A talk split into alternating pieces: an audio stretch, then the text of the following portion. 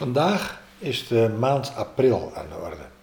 En dat betekent van 4 april tot 4 mei. En in de seizoenindeling die ik hanteer, is dit de laatste maand van de lente. Want de lente laat eh, dit model wat ik hanteer lopen van 4 februari tot 4 mei. En dan begint de zomer. En in deze laatste maand van de lente, april, Daarin zou je het, het hoofdopschrift kunnen zetten, het motto: Wat dien ik in de wereld te zetten? Want het krijgt nu vorm. Ehm, in de maanden januari, februari en maart heeft zich iets opgebouwd, heeft een potentie zich opgebouwd. En die potentie, die heb ik ook uitgelegd toen, die krijgt eigenlijk vrij automatisch vorm. En dat zie je in april ook om je heen. Eind maart, begin april en in de eerste twee weken van april is het ongelooflijk hoeveel kleuren groen er zichtbaar worden, hoeveel scharkeringen groen uh, er, er zichtbaar worden. Naast de bloemen, naast dat wat begint te bloeien, maar het meest opvallende zijn de hoeveelheden kleuren groen. En dat betekent dat er binnen die kleur een scharkering ontstaat die, uh, die eigenlijk ongelooflijk is. Als ik dat naar binnen toe vertaal, dan zeg ik: uh, groen is een kleur van het hart, wat mij betreft. En daarin uh, wordt de potentie die er is, die gaat via het hart, drukt die zich eigenlijk uit naar buiten toe. En dat betekent dat dat wat er in de potentie aanwezig is, dat dat in een redelijke diversiteit uh, naar voren kan komen in de vorm. En dat is wat er in april mogelijk is en gebeurt. Daar hoef je weinig aan te doen, je moet alleen goed meedoen. Dus het gaat van potentie naar vorm. Om een andere manier te zeggen, het gaat van bezieling slash inspiratie naar een, uh, een, een, een uiting in vormenwerelden. En daar is tussen die twee, bidden en werken, inspiratie en vorm, daar begint in april een soort evenwicht te ontstaan. Het gaat van inspiratie naar vorm en er komt ook een eerste terugkoppeling van vorm naar inspiratie. En die terugkoppeling gaat door in mei en in juni. Die gaat in de zomer door. Hiervoor, de maanden hiervoor, januari, februari, maart, was het dat er in de vorm heel weinig zichtbaar was. Dat wordt nu anders. Op het moment dat het vorm komt, dat zijn er, liggen een paar gevaren op de loer. En die gevaren die liggen in het gebied van de relatie tussen de ziel en de persoonlijkheid. Ik heb een aantal keren benadrukt dat potentie vorm krijgt. Dat je daar gewoon aan mee moet doen, dat je daar toegewijd aan moet zijn. Maar in april, waar die eerste vormen zijn, daar is het grote gevaar dat je je die vormen gaat toe-eigenen. En zegt, dat ben ik. Alsof er iemand in de natuur is die zegt, en nu word ik al die kleuren groen. Ehm, in plaats van dat je dankbaar bent dat het gebeurt. Het toe-eigenen, op het moment dat vorm naar voren komt, is het gevaar van toe-eigening, omdat er ik tegen te zeggen valt. Tegen potentie valt moeilijker ik te zeggen. Tegen vorm, dan kan je ik zeggen. Dus dat betekent, eigen het je het niet toe met persoonlijkheid. Blijf in april dankbaar. Blijf werken om niet, omdat het fijn is om te doen, omdat je meedoet met het zich vormende leven. Niet omdat jij dat. Uh, zo graag wil of omdat jij dat bewerkstelligt. En dan kom je er tegen dat voor de persoonlijkheid, net als in de afgelopen maanden, de groei heel erg traag gaat. De persoonlijkheid vindt het altijd te traag. Um, en daar moet je mee leren omgaan. Want de persoonlijkheid heeft daarin geen gelijk. Dat is een opgefokte persoonlijkheid in zo'n cultuur leven we, waarin we vormen uit de aarde willen trekken, waarin we kunstmest gebruiken, waarin we ongeduldig zijn.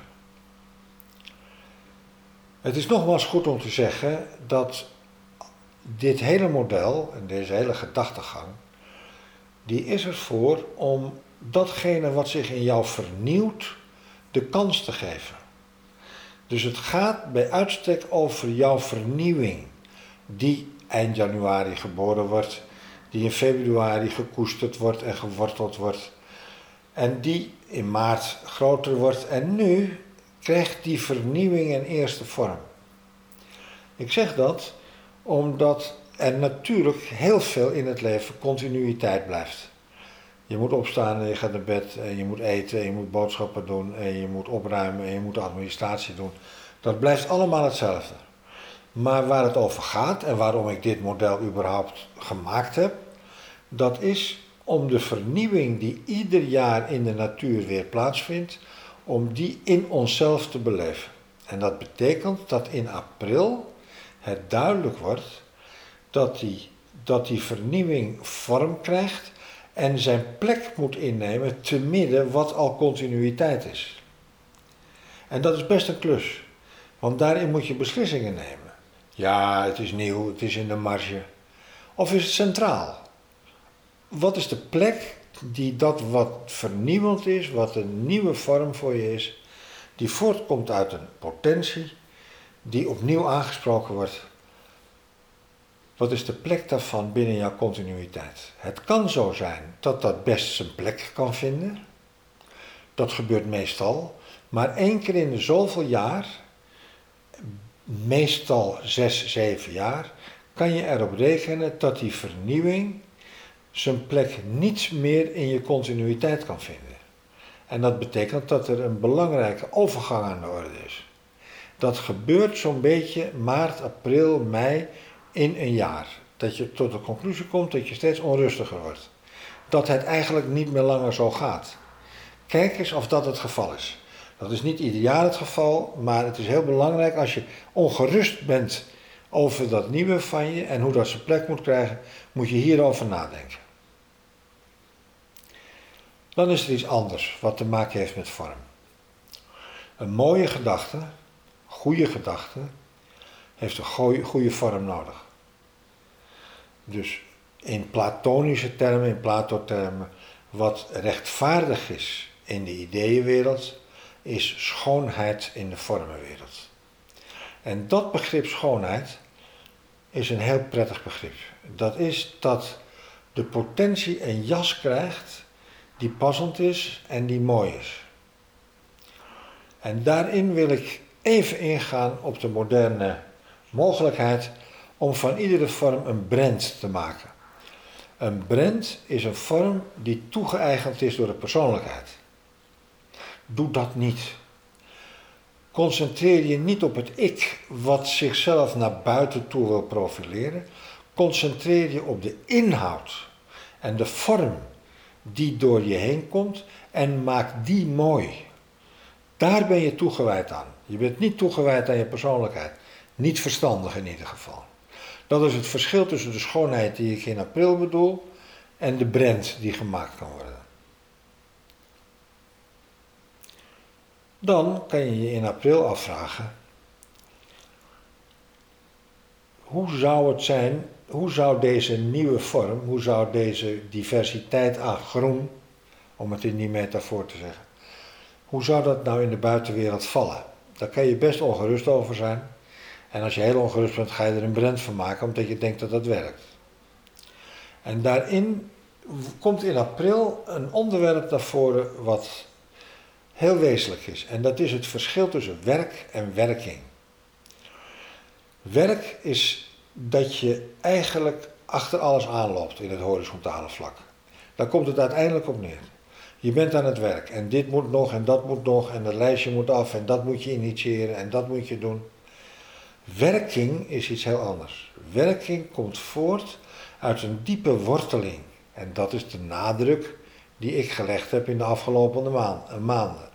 Hoe dieper de worteling, hoe vanzelfsprekender de werking. Daar hoef je weinig aan te doen. Maar werking is dat de buitenwereld zich rond dat idee en die vorm van jou, dat die buitenwereld zich daar rond voegt. Wat iets heel anders is dan dat je met jouw idee en jouw vorm de buitenwereld in gaat rennen en gaat lopen roepen uh, hoe belangrijk het is en dat ze dat allemaal moeten weten. Het verschil tussen werk en werking kan je in april heel erg goed oefenen.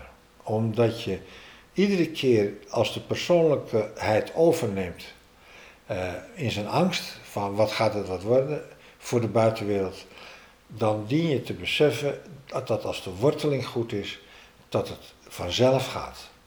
En dat je daar vertrouwen in kan hebben en ook moet hebben. Dus het handelen wat direct uit bezieling voortkomt, het handelen wat direct uit enthousiasme voor het grotere geheel voortkomt, wat door jou heen geboren wenst te worden, dat handelen is werking. En dat is iets anders dan werk. Er is een mogelijkheid in april dat je een sprong kan maken. Het is als het ware een sprong van binnen naar buiten met dat nieuwe groen. En dat gaat als volgt. Je kan voor iets komen te staan in april dat je denkt, nou, ik ben wel enthousiast over die vorm en ik breng het ook wel, maar het kan zijn dat ik, dat ik echt uh, een risico ga lopen. Kan zijn dat, ja, hoe ik dat binnen mijn uh, eigen continuïteit plaats, dat weet ik niet. En het kan zijn dat ik vind dat het een heel veel belangrijkere plek heeft dan dat ik, het, dat, dat ik toe wil staan. Als ik toesta dat het plek zo belangrijk is, dan word ik onzeker over die continuïteit.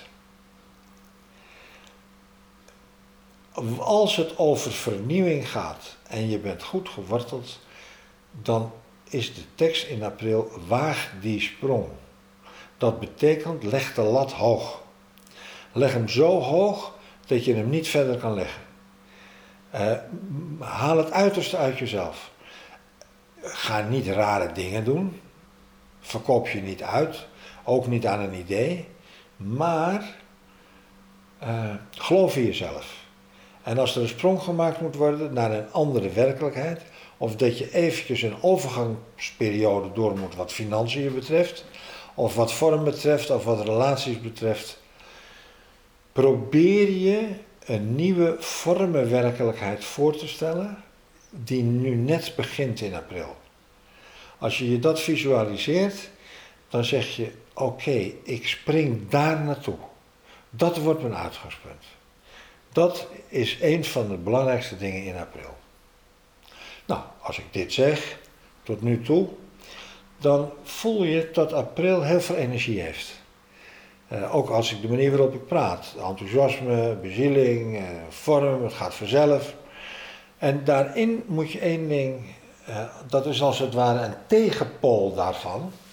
En die tegenpool is dat het gek genoeg ook vaak over details gaat. Over dat die vorm die ontstaat, dat je daar tot in detail op moet letten.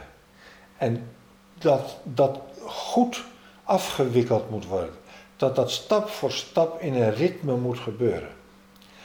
Dat je niet alleen maar met een, een, een enthousiaste lange termijn planning in april er komt. Dat leek het even tot nu toe als ik aan het praten was.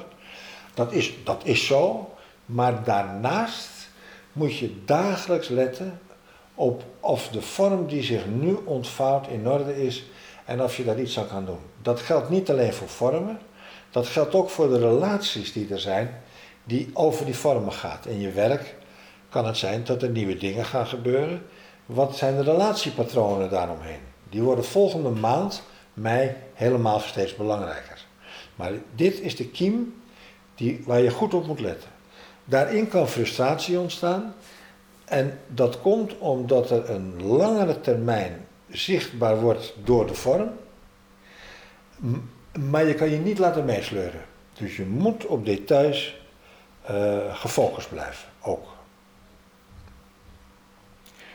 Als je daarmee bezig bent met die twee, dan zijn er woorden die gaan over mensen die daarmee bezig zijn. En dat woorden zijn, je bent je bekwaamheid aan het ontwikkelen. Of in ouderwetse termen, je ontwikkelt een vorm van meesterschap. Je maakt je klaar om werkelijk datgene te laten gebeuren wat dient te gebeuren. Voor het grotere geheel, waar jij het instrument van bent. Het gaat over natuurlijk gezag. Het gaat over een innerlijke autoriteit die zich ontwikkelt. Als je met een brand bezig bent, ontwikkel je geen gezag en innerlijke autoriteit. Dan ontwikkel je geen werking. Dan ben je hard aan het werk. Het laatste van uh, april is: concentreer je op datgene wat loopt, wat gaat. Kan frustrerend zijn, maar op datgene wat het leven aan levensstroom brengt, concentreer je daarop. Er zijn dingen die niet gaan, er zijn weerstanden die uh, er zijn, maar dat moet je behandelen, maar je concentratie dient te liggen op de levensstroom die vorm krijgt.